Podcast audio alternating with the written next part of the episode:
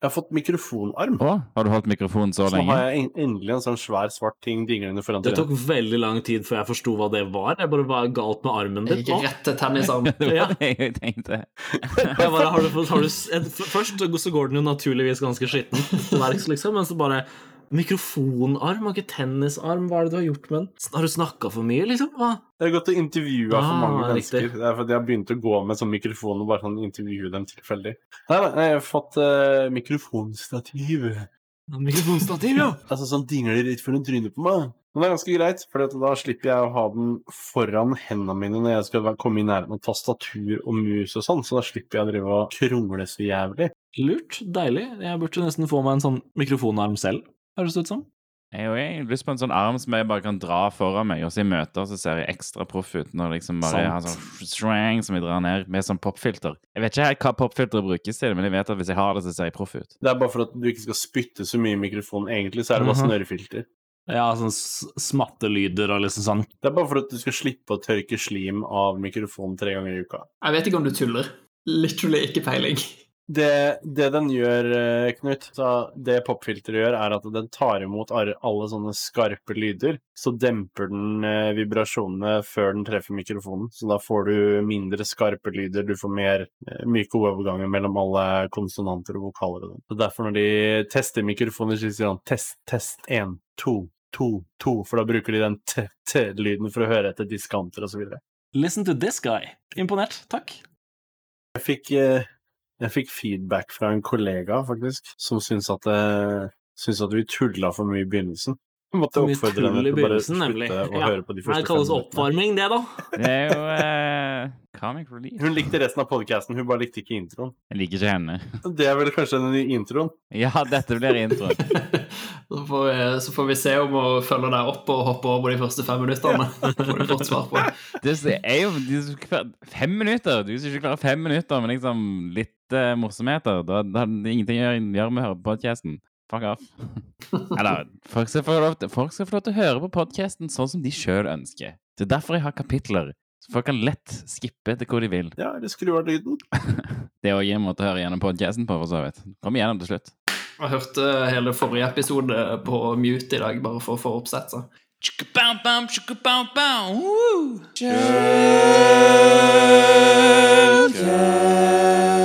Hei og velkommen til den eh, tiende episoden av eh, Shellcast. Jeg heter Vetle og heter at boplate på Twitter. Jeg heter Eirik, jobber som penetrasjonstester i privat sektor og er 0xsv1 på Twitter. Hei, jeg heter Knut. Jeg jobber eh, som systemadministrator og heter Knude på Twitter. Og jeg heter René, og jeg jobber med sikkerhet i staten.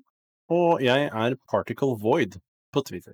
Vi får begynne med å bare spørre folk om å sende inn, send inn eh, e-post til podcast at 5h3ll.so, eller send oss en DM på Twitter eh, at 5h3llcast. Shellcast. Shellcast. Yes, nå har det jo vært eh, noen episoder siden eh, vi hadde noe sårt etterlengta brukerinteraksjon her, så eh, hvis dere vil høre meg eh, prøve altfor hardt med radiostemmen og lese opp lesebrev, så send inn. Ja, Eirik vil lese opp hva som helst. Uansett Jeg leser opp hva som helst. Ja, Nesten. Til og med bilder. Han leser bilder også. Bilder sier mer enn 1000 ord, så Kommer an på, på heksheaderen. Hvis den er godkjent, så kan jeg lese det. Eh, Ja, Eirik, du har eh, lagt inn første artikkelen som ligger i shownotes, så uh, do you want to introduce it? Ja, det kan vi vel. Uh, skal vi skal vi se. Første som ligger her, er jo at det var over helgen, eller i helgen, så altså, Det ble i hvert fall kjent i løpet av helgen. Jeg mener jeg så det på Twitter på fredag fra, fra han eh, Mikko fra finske sikkerhetsevangelisten fra F-Secure, som uh, at det var en, et pågående ganske ganske sjokkerende Eller ikke sjokkerende i at noen på en måte kan gjøre noe sånt, fordi mennesker eh, overrasker ikke lenger, og ikke 2020 heller, men det er altså da et eh, privat um, Altså, hva er det de skrev? Private Psychotherapy Clinic, så privat type DPS-instalt i Finland, som har blitt utsatt for et eh, for en ransom case. Men den ransom casen er jo ikke helt tradisjonell i og med det at det er ikke, eller var ikke i hvert fall i begynnelsen, selve selskapet som ble ransoma. De endte jo opp med å gjøre det også, men det på en måte sjokkerende og kvalmende her var jo at angriperne her valgte å Eller de fikk tilgang til da over 40 000 pasientjournaler fra dette private psykologiselskapet, holdt jeg på å si, um, hvor de da har sendt ut ransom notes til de faktiske brukerne eller pasientene eller klientene, altså hva du vil kalle de, og, og krevd da en tilnærma, eller begynte i hvert fall på en 200 euro i bitcoin ransom, hvor de deretter truet med å øke den ganske kraftig. Det var vel opp mot 500, dollar, nei, 500 euro eh, etter 48 timer. Og jeg leste jo et par påfølgende nyhetsartikler og tweets og sånn, og i den tråden til, til Miko hvor det var meldt om stor økning i, eh, i innringinger til sånne hjelpetelefoner og sånn i, eh, i Finland, og politiet hadde liksom måttet gå ut og si at uh, ikke betal, oppsøk lege, hvis det er krise, så ring liksom relevante telefoner og sånn, så, eller telefonnumre. Så ganske sjokkerende og litt uh, ekkel sak. Jeg vet vi hadde en ganske lang, uh, lang og disgusted samtale på, på Discord-kanalen vår når, når, det her skjedde. Ja, jeg, etter å ha lest den Jeg var en av de som ikke leste den ordentlig. altså Jeg begynte med litt sånn tørr og dårlig humor, men uh, Stemmer det. Og jeg, jeg, må si det at jeg angrer litt sånn bittert på det i ettertid. for det er absolutt ingenting som er morsomt med den, med den saken her, i hvert fall hvis du er flink til å lese. Så jeg skal ta meg i det. Men eh, det som gjorde meg litt urolig, da, etter da å ha lest gjennom den casen her ordentlig, er jo det at dette her potensielt skulle kunne bli inspirasjon da, for eh, nye angrep. Og eh, igjen da sette svake i samfunnet i en posisjon som, som, kan være veldig vanskelig å håndtere, og da spesielt da hvis man tenker på pasienter som kanskje har vært igjennom ganske tøffe ting i livet fra tidligere som de ikke ønsker at skal komme ut, og så plutselig så blir de da truet eh, mot, i forhold til penger, for ellers så vil de slippe alt dette her ut på internett. Det kan være ganske ganske mm. vanskelig for eh, visse å håndtere. Så jeg er vel egentlig mest urolig i den saken her at dette skal være en sånn inspirasjonskilde for andre. For hvis vi ser på tidligere angrep og sånn, så er det jo ofte det som skjer. At når noen velger et nytt marked å gå på, så, så er det flere som følger etter enig, og det er jo, det er jo ja, som, som, du sier, i seg selv et veldig trist og, og skremmende type, ah, type angrep. Men, eh, men, ja, det er jo definitivt uh, skummelt hvis det, dette blir en trend. og som vi snakket om for noen episoder tilbake igjen, eh, angående det dødsfallet som var i Tyskland, mener jeg det var, angående ransomware, så er det jo på en måte Det hadde, hadde jo ikke vært overraskende, som du sier, at her er det jo snakk om potensielt ganske svake personer som allerede sliter eller har ting på en måte på bok fra før av som de overhodet ikke vil at skal komme ut. Og det hadde jo liksom ikke på en måte vært særlig sjokkerende hvis det hadde endt i uh, endt i et dødsfall, kanskje, da, som følge av sånne typer saker, eller denne saken her. Uh, i seg selv. Så... Jeg tror også det at Når det er snakk om liksom 40 000 mennesker, så er det ganske vanskelig å vite eksakt uh, om noe av dette her faktisk resulterer i dødsfall også. Men det her viser jo også litt hva slags posisjon flere, flere litt sånn skal vi si, selskaper eller firmaer, eh, institusjoner osv. Hva slags beredskap de har, og hva slags eh, sikkerhetsnivå de har i 2020. Det er jo en bekymring i seg selv. Og jeg tenker det at eh, På et eller annet nivå så hadde det vært fint hvis vi hadde vært flinkere til å formidle dette her som profesjonelle til, til disse, disse, organisasjonene, hvor viktig det er å faktisk sørge for å ha sterke passord og alle disse tingene som vi maser om. Nå er vi jo sitter vi midt i sikkerhetsmåneden, og jeg tror mm. de fleste får tredd dette her ganske fint nedover øra om passord og ikke klikke på linker og sånt noe i disse dager. Men jeg tror kanskje at vi burde ha litt mer påminnelser og være enda flinkere, i hvert fall i de forhold til de institusjonene som skal passe på de som er svakest i samfunnet. Helt enig. Og Vetle, du hadde vel en kommentar, mener jeg, på Discord hvor du lurte litt på liksom, hvordan de håndterer krypton rundt det her, da, eller lagringen av, eh, av brukerdata og sånn. fordi nå, nå, har ikke jeg i hvert fall lest noe, lest noe videre på nødvendigvis vo, altså hvordan det skjedde, men det er jo enkelt å tenke seg til at ok, de har fått credentials, RDP eller inn i en eller annen NOVA-portal eller VPN Citrix etc. så hatt tilgang til f.eks. disse databasene. Da. Men det er, jo, er jo litt skummelt å tenke på at uh, hvis du kan få på en måte ja, vanlig hva skal man si, sykepleier eller uh, legetilgang, at du kan få tilgang til liksom samtlige av disse, eller i hvert fall et stor, stor andel av disse pasientenes journaler. Da. Det er jo 40 000 er jo ikke akkurat få.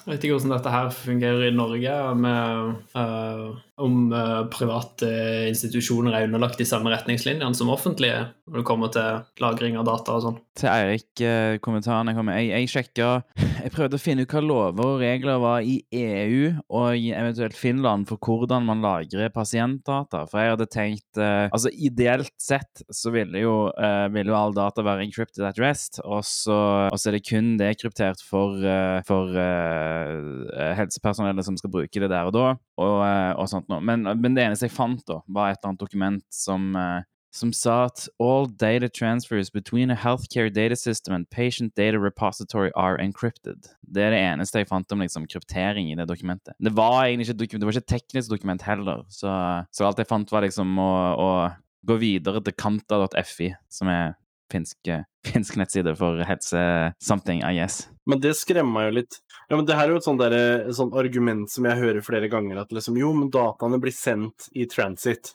Og det eneste det stiller krav til, er at kanalen som de sender med, skal bruke TLS. Og vi må lære oss på et eller annet tidspunkt at dette her er ikke, det er ikke kryptering. Vi, ikke, vi, må slutte å si at det er kryptering. Nå skal ikke jeg peke fingre på noe spesifikt navn, men ved, i løpet av 2020 eh, så har jeg vært involvert i eh, en sånn case hos oss hvor det var snakk om et sånt uh, sam samhandlingsverktøy. Hvor de snakker veldig pent om kryptering og sikkerhet og sånt nå, men når du sitter, setter deg ned og ser på informasjonen, så er det det samme tullet en gang til. Det er nettopp dette her med at jo, dataene er sikre i transit, men de snakker ikke om ende-til-ende-kryptering. Det er snakk om TLS, Det vil Si det at du, alle mellomstasjoner, alle servere, vil ha muligheten til å lese innholdet. Det er ikke trygt. Vi må slutte å late som at det er trygt. Og det er akkurat det, det, som er problemet her også, tror jeg, at eh, de stiller krav til TLS, men ikke noe særlig mer. Ja, men sant, for encryption, altså encryption in transit er, er, jo den nye normalen. Det er jo default. Hvis du ikke, hvis du ikke gjør det, hvis du ikke, lager, hvis du ikke klarer å lage det da, i,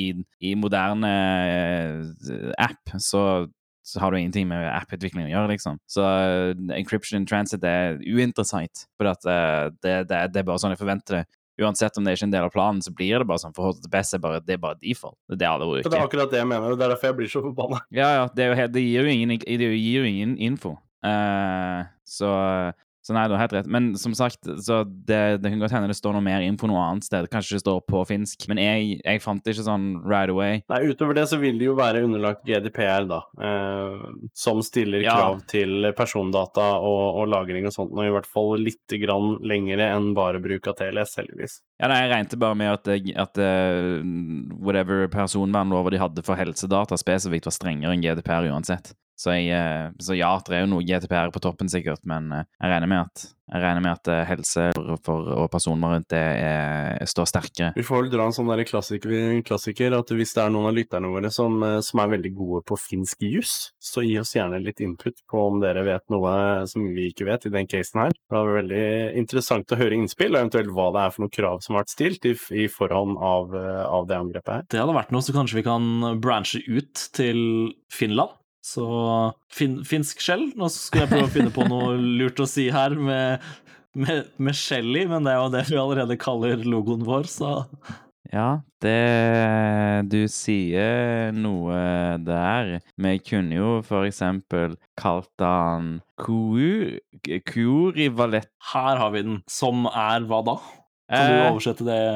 Nei, Shellcast. Det, OK, det er Ja, riktig. Kuurivalettu. Kuoli Jepp, nemlig. Balletto, jepp. Ja, ja, det, ah, det, det, se her. En rolig liten Google Translate? Ja, jeg, jeg kan alle språk. ja, OK, riktig. Bra.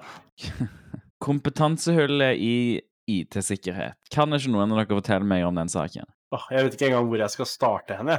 Uh... Nei, jeg òg. Jeg er så sint, jeg vet ikke hvor jeg skal starte hen. At det er så stor kompetansehull. ja, altså, jeg, jeg, tenker sånn at jeg, jeg har jo vært Jeg har undervist i, i IT-sikkerhet, og jeg kan vel si det sånn når jeg starta å undervise, så hadde jeg vel en viss formening om hvor jeg trodde at eh, de som skulle komme inn og studere sikkerhet, hvor de var hen på, skalaen. Men jeg jo Jeg innså jo det at jeg hadde jo satt lista altfor høyt. Og jeg kan også si det at eh, i forskjellige organisasjoner som jeg har vært i opp gjennom åra, så, så har jeg ikke sett noe endring. Jeg ser de samme feilene gjøres fortsatt ti år etter at jeg jobba med Som starta å jobbe i IT-verdenen, eller er det gud forby blitt tolv år siden. Men det er fortsatt de samme feilene. Vi bruker dårlige passord, vi oppbevarer de på teite steder. Vi glemmer å bruke tofaktor. Altså alle disse tingene som vi som jobber med dette her hele tiden, som tar disse tingene som vi tar for gitt, stiller folk seg spørrende til og skjønner ikke hvorfor de skal bruke det. Og det er fortsatt mye av den holdningen Ja, men jeg er jo ikke interessant. Så, så når vi skal, liksom, skulle snakke om kompetansehull, så tenker jeg at men det er jo ikke engang et avansert tema, fordi at vi må lære oss å låse døra. Vi må lære oss hva en nøkkel er. Det er liksom det nivået, nivået vi er på. Ja, men, men hvis, du, ja, hvis, du skal, hvis, du skal, dra den, liksom, så kan jeg jo si at eh, akkurat nå, for mange, og for, for å beholde sikkerhet eh, privat, og for, at, for, å gjøre det ordentlig, så er det litt som å måtte gå liksom, passe på at alle veggene i huset ditt konstant eh, er klare å bære taket, liksom. Og at eh, ikke, du har ikke bare én nøkkel du har nøkkel til hver eneste dør. Og hvis du glemmer å lukke den ene og låse den ene døren, så kan hvem som helst bare gå inn. Det er liksom det, Jeg tror man må gjøre det mye lettere å, eh, å, å ta vare på sin egen sikkerhet eh, på nett enn, enn det er nå. Eh, det jeg ser her, er jo det at uh, Eirik uh, har lagt ut artikkelen som ligger på Digi, så hvor Tekna-president Lise Lyngsnes Randeberg mener at statsbudsjettet må sikre arbeidsplasser i fremtiden, og at hun også for forventer en satsing på IKT-kompetanse og IKT-sikkerhet. Og nå sitter jo jeg i, i staten, så jeg ser jo at det er mye snakk om det. Så jeg tror ikke det at det er eh, veldig feil av henne å ha disse forventningene. Og dette spesielt da i forhold til en del av de hendelsene som har vært i løpet av året, hvor vi kan bl.a. nevne sånn som eh, det som skjedde på Stortinget, det som har vært i kommunen, det lille som ble nevnt i forhold til politiet, ja, når vi, ser, når vi, ser, alle disse hendelsene her uh, i sammenheng, uh, og på så kort tid etter hverandre, så tror jeg ikke at det er usannsynlig at dette vil være en, en, en diskusjon i forhold til statsbudsjettet framover. Det er en liten disconnect mellom det du og, og eller som Vetle nevnte nå i stad. Og dette, hun snakker jo om IKT-kompetanse. Det er klart uh, jeg, Eller jeg tenker jo som, som Vetle at privatpersoner generelt gidder ikke å sette seg inn i hvorfor en skal gjøre ting, og forstår ikke hvorfor det skal være så vanskelig. da. Uh, så vi må finne lette løsninger som gjør det lett for folk å gjøre det rett. da. Og det er det som er en del av problemet, fordi at vi ser at utviklere som sitter og jobber med dette her, har adoptert disse eh, holdningene. Altså utviklere som sitter og jobber på tjenester rundt omkring i Norge, ofte Nå er det stygt av meg å peke fingre mot alle utviklere, men det gjelder driftere, det gjelder oss alle sammen. Det er veldig mange som har lettsindige holdninger i forhold til eh, IKT-sikkerhet glemmer å tenke på å gjøre essensielle ting, og jeg ser jo stadig vekk at det er stilt krav til veldig mye eh, i forhold til utvikling og, og drifting etc. Men at, at, disse kravene blir sidestilte, og så, så, hopper man over standardiseringer og sånt nå for å pushe ting gjennom.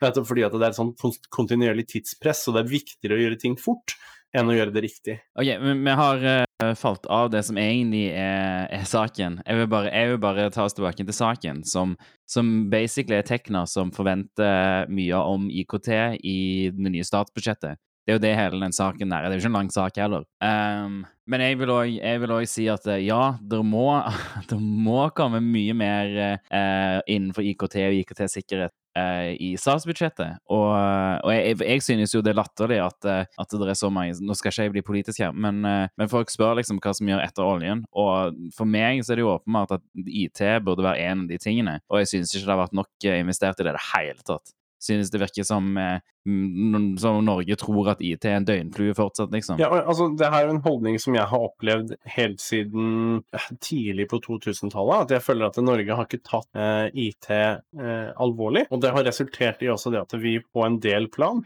i forhold til det sånn som hendelsesrespons, i forhold til digital etterforskning eh, og, og IT-sikkerhet og penetrasjonstesting og sånt noe, har havna ganske langt bak og vært en sånn eh, Det har ikke vært fokusert på i, i, private bedrifter og kanskje statlige organer og sånt noe eh, tidlig nok. Så vi har ikke dette her, det sitter ikke i ryggmargen vår. Når jeg var ferdig med å studere i, i 2009 og kom hjem til Norge, så var det jo ingen som skjønte hva jeg kunne for noe når jeg hadde tatt en, en bachelor i data forensics og skulle komme og presentere meg selv som eh, kyndig innenfor eh, digital etterforskning. Da, da hadde jeg eh, forskjellige sånne rekrutterere og sånt som bare så rart på meg og spurte meg liksom, ja, men hva er det for noe? Hvem er det som bryr seg om det? Hvem er det som trenger det? Ja, nei, altså, man kommer jo, Vi kommer jo bare til å se nå framover uh, hvor viktig uh, det er med datasikkerhet. Det, nå, bare, nå, eksploderer det jo av cases uh, der folk blir hacka og oppdager det. Altså, Jeg syns det er sinnssykt i 2020 at vi skal sitte og ha den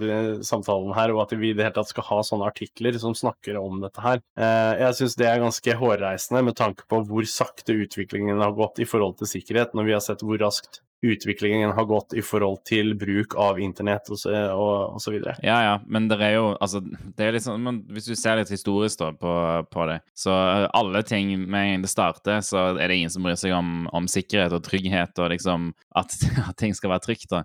Og så eh, dør folk, eller det skjer ting, sant? sånn som nå Altså om det er liksom fornøyelsesparker der, eh, der folk dør fordi at de det ikke er, trygge, er trygt der, og så putter man inn lover og regler og sier liksom dere må sjekke sånn og sånn hvert år, og så gjør de det. sant? Og hver gang det skjer noe, så driver man og revurderer reglene. Og innenfor altså IT og internett så, så, tror jeg hacking har ikke vært så kritisk for veldig mange eh, før. Og, men nå, når alt er så knytta sammen, så, så blir det så blir det mye verre med en gang noe blir hacka. Og det blir, det blir, bare flere og flere cases av det. Og det ender jo opp kom, jeg, jeg, mener at det kommer til å ende opp med at, eh, at uh, kommer til, det kommer til å satses mye mer og gjøres mye mer innsats innen sikkerhet. Og så kommer det til å løse seg til slutt, da.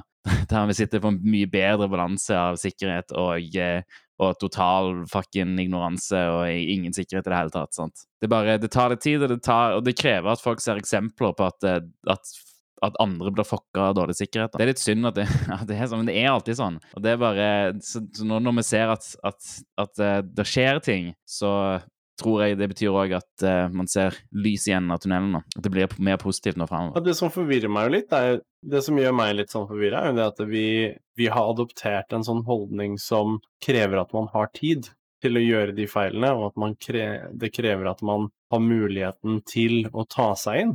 Men jeg er bekymra for at hvis vi ikke begynner å, å følge med i, i timen, løpet plutselig kan gå fra oss. Og jeg er redd for da spesifikt at uh, stater som er mer interessert i å føre digital krigføring, skulle kunne gjøre farlige ting, eller liksom ureverserlige ting, i forhold til eh, viktig infrastruktur, dersom ikke vi er flinkere til å følge opp, og vi er flinkere til å, eh, å gjøre ting riktig. Mm.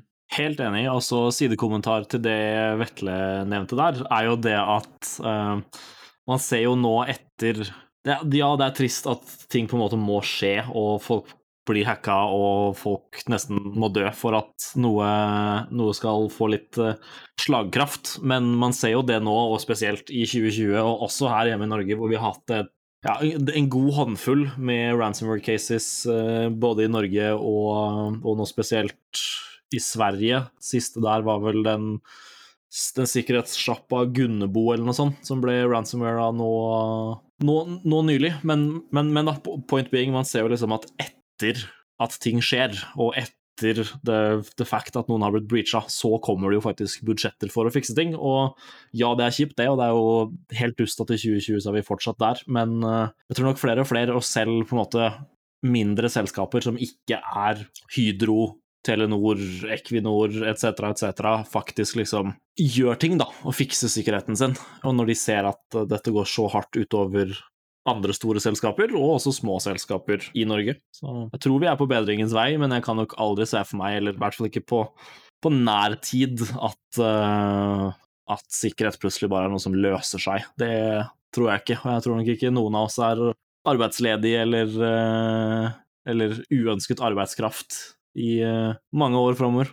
Nei, der blir det nok bare mer arbeid. Det tror jeg du har veldig rett i, Erik. Det som, det som jeg syns er litt skummelt, er at hvis vi ser på det norske sikkerhetsmarkedet, så har vi fire selskaper nå som er godkjente av NSM for, i forhold til hendelseshåndtering. Nå var det Nettsecurity som var sist ut nå eh, for å bli en del av det, det firkløveret som er på toppen der. Men det opplever jeg som skremmende. Altså, jeg er veldig glad for at Nettsecurity har tatt seg opp og, og er nå godkjent i forhold til dette med hendelseshåndtering. Men i 2020 så skulle jo jeg likt å se mer enn fire selskaper i Norge som Mm. var godkjent av NSM i forhold til hendelseshåndtering. Helt enig. og se- Selv om man kan si at ja, det er jo et lite marked i Norge, og det er jo kjempebra gjort av, eh, av de selskapene, da blant annet Nemonic og nå Det er vel Nemonic, BDO, Athea og Nettsecurity, mener jeg, som er de godkjente.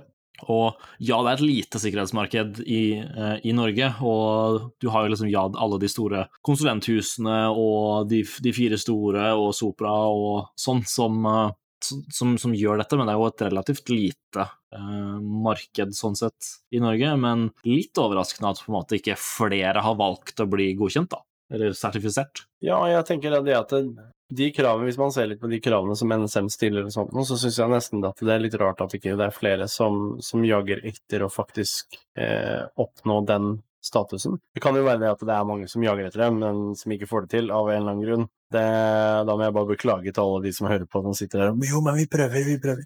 Eh, men da fortsetter dere å prøve, for jeg skulle like å se det at eh, vi snart hadde i hvert fall dobbelt så mange selskaper. Og jeg sier ikke at vi må hente alle casene våre i Norge, vi skulle helt fint kunne, kunne bistå eh, andre steder utenfor Norge også.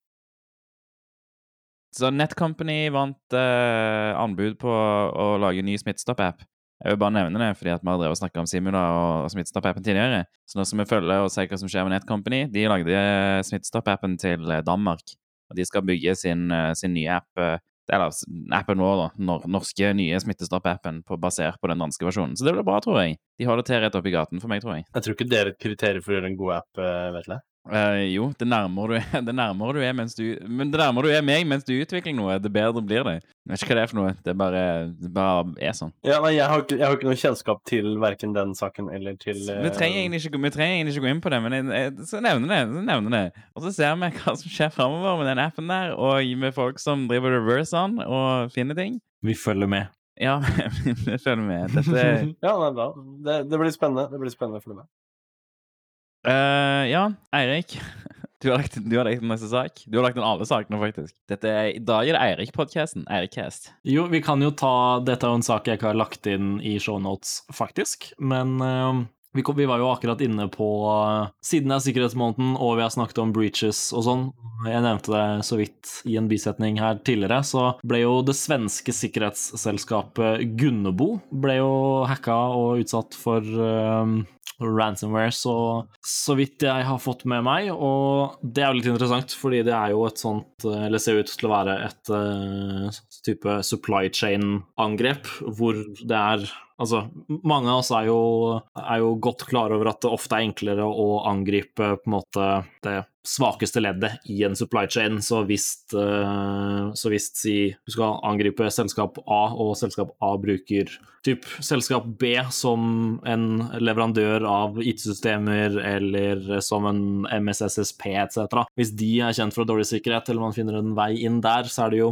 kanskje enklere og ofte lettere å ta de enn eh, på en måte hovedmålet. Og det har jo skjedd, skjedd flere, flere ganger. Men eh, det som skjedde her med svenske Gunnebo, og som er litt interessant, er at Krebs on Security, som sikkert de fleste som hører på podkasten her og er litt eh, litt engasjert i på en måte internasjonale sikkerhetsnyheter og sånn, har jo sikkert hørt om Krebs og følger han på Twitter og, og sånn. Har jo også en veldig interessant og artig blogg eh, på krebsonsecurity.com. Artig. Eh, Så anbefales. Ja, han har veldig mye gode, gode personlige, litt humoristiske takes på mye av det her. Og jeg syns også da den saken her er litt artig, fordi han pekte ut i en tweet at i, også som han skriver om i den saken som nå ligger på bloggen hans, eller nettsiden, er at i mars 2020 så sendte altså da Krebs on Security en, eh, en, hva skal man si, en advarsel eller opplysning til det svenske sikkerhetsselskapet Gunnebo Group om at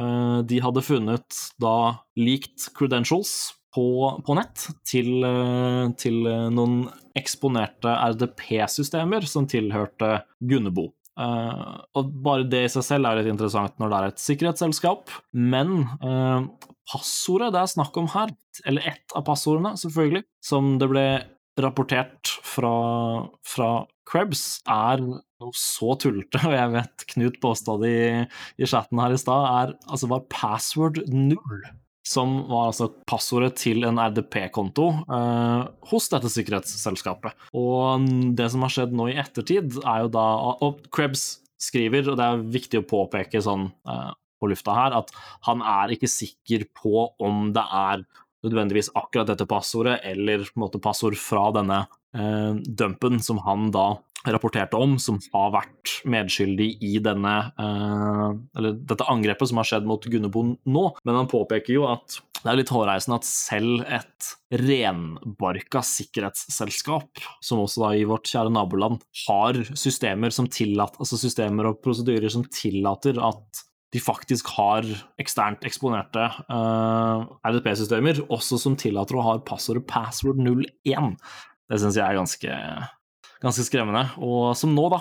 Eh, ikke nødvendigvis at det var det, men eh, man ser jo selvfølgelig en trend her. Har jo da resultert i at over 38 000 eh, dokumenter fra Gunnebos nettverk har blitt eh, eller ble stjålet og lekket, og ligger nå tilgjengelig for uh, lumske hoder på, på, på, internett. Og Gunnebo er jo da også et selskap som leverer sikkerhet til, til banker, mye kritisk infrastruktur. Det var snakk om uh, og Correct me her hvis, uh, hvis, jeg tar feil, men jeg mener det var snakk om noe type svenske statsbank, uh, floor plans, blueprints og både fysisk, men også liksom digitale sikkerhetssystemer. Så det er jo veldig alvorlig.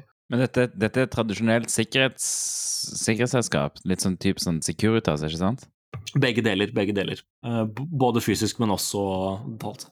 Så det er jo interessant at vi er nå i ja, Cybersecurity Awareness Month, og en av de største samtalene igjen, i år igjen, uh, er passord, og du har sikkerhetsselskaper som faktisk har password null. Men uh, det er mulig at, eh, at uh, det passord, passord 01-passordet er, er fra uh, de som har hacka de, som har lagt inn typ sin egen bakdør da, for å komme seg inn, og så har de bare lagd passord 01 som passord. Det kan det jo sikkert absolutt være, men litt av det som Krebs påpeker her, som han syntes også var interessant, var jo det at det ble varslet om uh, disse lekkede passordene, og spesielt av disse uh, ekstremt hva skal man si, uh, dårlige passordene til eksponerte RDP-klienter, som da jeg antar at, antar at, fungerte helt tilbake igjen i mars. Og nå, i, og, og nå nettopp så ble de jo utsatt for ransomware, så noe har jo definitivt gått,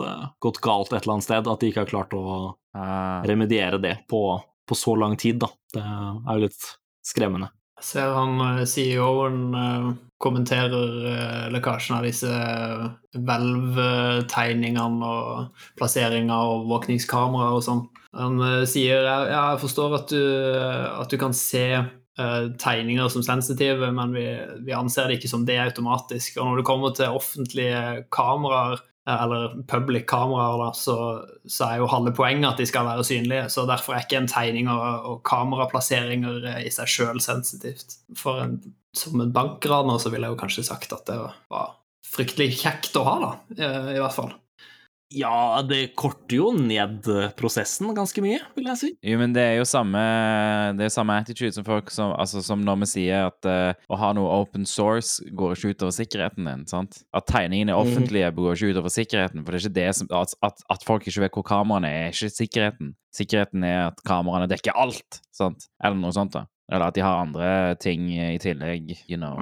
Jeg ser på det som samme, samme, argument som open source versus uh, closed source. Det er jo i alle fall litt sånn som Knut uh, Jeg regner med det er poenget, og der er jeg helt, helt uh, enig i deg at uh, når, det, når, det, lekker på en måte blueprints og kameraoppsett og sånn fra liksom innsiden av Norges Bank, da, typ Ja, det er jo et knippe mennesker som har tilgang dit, og de kan fortelle andre liksom hvor, hvor de er, men skal du bryte deg inn i å Altså, la, la, oss quote nettsiden til Gunnebo. Eh, den norske delen skriver Gunnebo er en global leverandør av sikkerhetsprodukter, tjenester og programvare. Vi beskytter banker, detaljhandel, kollektivtransport, offentlige bygninger og forretningsbygg, samt industri- og høyrisikoområder, med et tilbud som omfatter sikker oppbevaring, eh, kontanthåndtering, adgangskontroll og integrert sikkerhet. Det høres ut som at de beskytter eh, relativt mye sensitivt, hvor i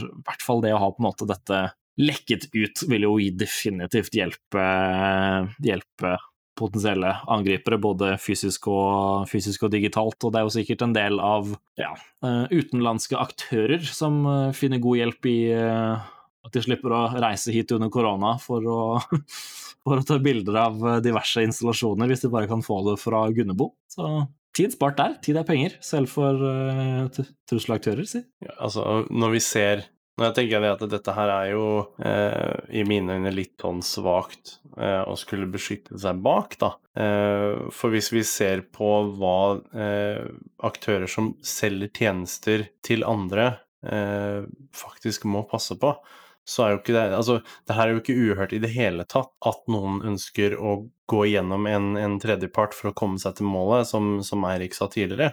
Det er jo en taktikk som har vært brukt siden tidenes morgen. Hvis jeg kan få forgifte drikkevannet ditt uh, før det kommer fram til deg, så, så, er jo det, det er jo det som er målet mitt. Jeg har driter fint i, unnskyld uttrykket, men uh, om uh, om kameraene an, er ansett av selskapet som, som, ikke kritiske for at de er offentlige eller ikke. Det er jo hva jeg kan se, hva jeg har muligheten til å gjøre uten at de, noen vet at jeg eh, ser på det, som er viktig. Man kan sikkert klippe hele den der eh, seksjonen der, for jeg følte at det ble bare teit. Nei, det syns jeg var en 100-emoji. Det var en god avslutning. Men uh, Eirik, jeg er egentlig litt interessert i den uh, posten om Windows-prosessor for uh, Red Blue Team. Det den, det den posten handler om, og litt sånn som grunnen til at jeg la den i shownotes, blir på en måte en litt sånn naturlig follow-up på, på, det jeg snakket litt om etter at jeg hadde vært på det Spektrops-kurset, hvor de hadde litt fokus på, på oppsekk, og når vi gjør ja, Si hvis du lander på, lander på en maskin etter en uh, suksessfull phishing, eller uh, noen har fyrt av malwaret ditt i en uh, assumed breach-scenario, f.eks., uh, etc., og du skal liksom ut av din uh, initial foothold-prosess, om det gud forby er uh, Rundale eller 32 som, som, eksempel her, så, så, vil man jo da gjerne på en måte bevege seg uh, og process-injecte eller spåne spåne bikene ditt inn i, inn i, en prosess som ser ut Altså som ikke er så, som ikke er så søss da, på, for Blue Team og såkanalistene som sitter og forhåpentligvis følger med. Og hvis det går process injection alerts, kanskje de ikke helt klarer å identifisere hvilken prosess eh, der du har flyttet over, og at du i det hele tatt bare ser ut som at du hører hjemme. Og det den posten fra Det her kommer jeg til å slukte, men posten fra Nasreddin Bencherashali eh, på medium, eh, også kjent som eh, nasbench.medium.com, Nasbench. Han har da skrevet en god bloggpost her hvor han går gjennom en del av de litt mer standard eh, prosessene som, eh, som mange kjenner til, eh, og hva som er vanlig at de Altså vanlig at de ser ut som. Uh, altså hva slags, uh, hva slags parent-prosesser de har, hva slags eh, PID de har, hva slags child-prosesser de kan spåne.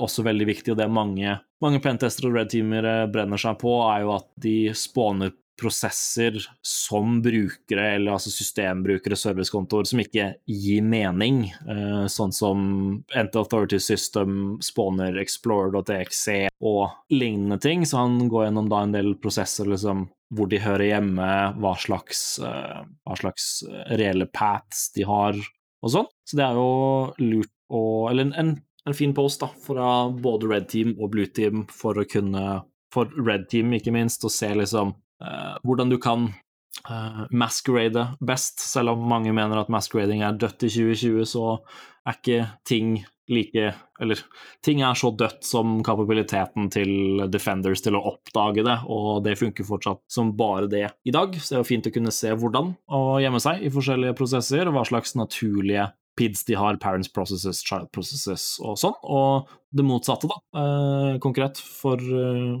for Blue Team, for å kunne se hvilke eh, naturlige eiere det er av en prosess, hvor mange instanser det skal være av den prosessen og sånn. Så vi legger den i shownotes og ta en titt på den hvis det høres interessant ut. Det er definitivt mye å lære der hvis man holder på med ja, Cobalt Strike, Porsche C2, Covenant, alle mulige sånne Z2-rammeverk og gjør red teaming til vanlig. Mye å lære der. Jeg kan vel også si det at jeg fra min side, så når jeg sitter og analyserer ting og eh, graver litt i, i, malware og sånne ting, så ser jo det at denne lista her er jo ganske morsom. Eh, og den er jo definitivt veldig fin, den eh, artikkelen her, for å ha som litt sånn lett oppslagsverk. Og jeg ser det at en sånn håndfull av disse eh, tjenestene og, og prosessene her som jeg kjenner igjen fra, fra, mine egne undersøkelser. Og en av disse klassikerne som jeg fniste litt av, eh, er jo SVC Host. Eh, og nå er det vel ikke så veldig lenge siden, er det en to dager siden, kanskje var det i går, hvor jeg senest så noen som hadde prøvd å kamuflere en eh, falsk SVC-host ved å skrive SWC-host. Det syns jeg var kos. Da, da fniste jeg litt. De, de, gjorde et forsøk, men de gjorde et veldig dårlig forsøk. det er like ille. Jeg, jeg fikk dask av uh, Harmjoy fra Spectrops når jeg uh, tenkte at ja, ja, dette her er jo bare en sånn CTF-type kursgreie, uh, så det går helt fint hvis jeg kjører noe fra C-Temp, men da kom det en av de bluetimerne fra Spectrops inn i den eh, Slack-klonekanalen eh, som teamet mitt hadde, og bare Hvorfor kjører dere ting fra C-Temp, liksom? Altså, dette er helt idiotisk. Slutt med dette. Og det er litt sånn jeg får der også, hvis du virkelig tror at det å ja, kjøre en V eh, V kontra en W på Service Host der, så vær så snill å lese denne denne bloggen. Ja, men jeg, jeg, tror, jeg, tror, det er helt riktig. Jeg tror også det at det er mange, mange av oss som eh, Spesielt de av oss som, som holder på med CTF-er og sånt, og som fort tenker det at nå, nå, trener jeg på noe, da er det ikke så viktig. Men jeg mm. tror for at vi skal kunne virkelig bli gode, så tror jeg vi skal gjøre det riktig fra første steg. Så jeg syns det var Jeg syns det er veldig hyggelig da å høre det at når du i en sånn kurssetting litt sånn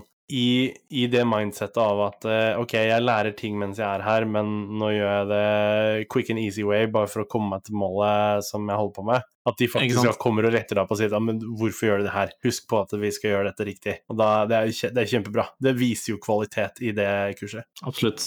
Og ja, repetisjon. Definitivt. Jeg skal si det at jeg er vel også en sånn syndebukk som gjør sånne ting hele tiden. Spesielt når jeg holder på med CTF-er og, og når jeg trener på ting. Eh, når jeg tar kurs, har jeg gjort sånne ting tusen ganger, så jeg, jeg Nei. Jeg syns det var en fin historie. Det er en påminnelse for meg når jeg holder på med sertifiseringa mi nå, at jeg skal ta det her seriøst. Ikke sant. Og liten digresjon, men veldig relevant til, til dette, er eh, Når man holder på med CTF-er og Hack the Box og Try Hack Me og, og sånn, så er det jo veldig fort å tenke at uh, Og talking from experience her. Eh, er, det, jeg føler at liksom mange pentestere og red-teamere har en eller annen sånn big oops de, de, gjorde det når de kjørte et eller annet verktøy eller en metode eller noe sånt uh, første gangen i produksjon, og min kanskje største big oops der er å uh, tenke at uh, kundens produksjonssystem uh, eller vaffen deres skulle håndtere default-mengden og kanskje et par til tråder i type Dearbuster-lignende uh, verktøy. Og da man skal ha noe sånn eh, Lessons from the Workplace-innslag her, så, så er det å begynne med den uh, threads-slideren uh, så langt til venstre slash nærme null man kan, og flytt den sakte, men sikkert oppover mens du følger med på om uh, hva det systemet du tester, fortsatt er oppe, og at du ikke får en relativt irritert sysadmin på tråden som lurer på om vi ble enige om å faktisk kjøre DDoS-testing, eller om det var noe han hadde gått glipp av i kontrakten. Du har unnskyldningen der at det er ikke en DDoS, det er kun en DOS. Det er ikke distributed, så du har ikke DDoS av noen ting. Ikke sant? Ikke sant? Jeg vil vel skyte inn det at uh, hvis, uh, hvis du ikke skal starte mykt, så vær i hvert fall eh, Ta det med i planlegginga. Jeg driver og leser den boka eh, Red Team Development and Operations, og der sier de jo en sånn pen, pen ting som de, de putter inn i, inn i boka eh, om på, Når du skal se på et system, hva er det det skal gjøre, og hva er det det faktisk gjør? Og da tenker jeg det at det er jo en, definitivt en sånn ting som man burde ha med. Burde dette systemet tåle en sånn heavy scan med en gang? Og gjør den det? Ta det med i, i beregninga, sånn at du i hvert fall har det, på det rene, før du dedoser hele systemet til skogen. Ikke sant. Det systemet burde ha håndtert den mengden eh, load. Jeg skal ikke si hva slags eh, kunde det er, men eh, det var en ja, et selskap man definitivt ville forvente at uh, Vaffen til applikasjonen sin med mange titalls uh, tusen nordiske brukere skulle tåle et par flere concurrent requests enn 50. Men uh, ja, det skjer.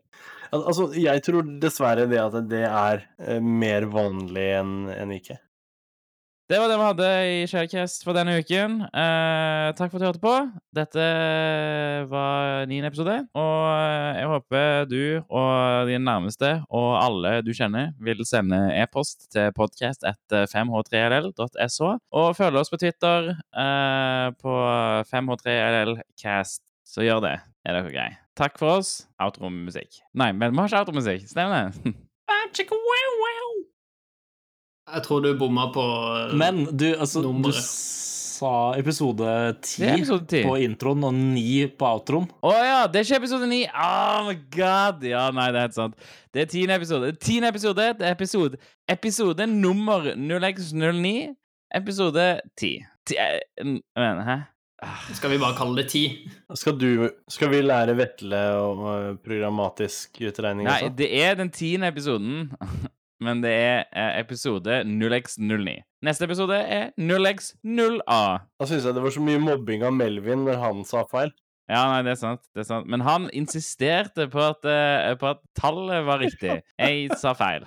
Vi skal ikke, vi skal ikke claime at vi er helt rå på programmatisk telling, noen av oss, tydeligvis. Ja, nei. Alt jeg vet, er neste episode er 0x0a. Hvis vi gjør feil på det, så er det flaut. Da, da, da, da kan vi legge opp. Ja, da må vi legge opp, faktisk. Det kommer til å være så Vi kommer til å telle feil en eller annen gang senere. Ja. Det ble altså da bare ti episoder av Skjellkast. Det jeg er spent på, da, er at når vi nå kommer over i det som definitivt er litt mer sånn heks-navn jeg er veldig spent på om det slår ut enten eh, eh, Spotify eller Apple eller en av disse andre stedene som da plutselig ikke klarer å håndtere en, en bite eller en nipple. Ah, ja, ja. Nei. Eh, jeg har Det står for så vidt episodenummer, og han teller episodenummer alltid i, eh, i feeden, men den teller fra én oppover. Jeg bare tenker på input validation jeg, i forhold til navnet. Jo, jo, men navnet er jo bare det, Navnet på episoden er jo bare 0x09 kolon uh, whatever vi har valgt som navn. Ja, det er det jeg mener. At det var Så det er ikke, det er ikke sånn at du putter inn liksom dette episodenummer Vet du hva, 0x09. det er ikke uhørt. Jeg har vært borti tjenester som har tryna fordi at man har putta inn ting som, som eh, ser ut som heksadesimaler, og så plukker den det opp da som bites og ikke, ikke bare en tekststreng. Så det er derfor jeg er litt spent. Jeg, jeg gleder meg nå til å se. Jeg skal sitte i spenning og vente på å se alle disse XML-parserne som bare tryner til helvete. Jeg har allerede hatt noe problem med noen XML-parsere som ikke var helt enig i hvordan jeg formaterte XML-en vår til feeden. Jeg har skrevet en hel haug av dem, men jeg veit hvor jævlig det er om å gjøre. Ja, jeg, fuck, eh, jeg skal aldri skrive en XML-parser. Det, det er det nok av. Da har jeg noen tips til hvor du ikke skal jobbe i framtida.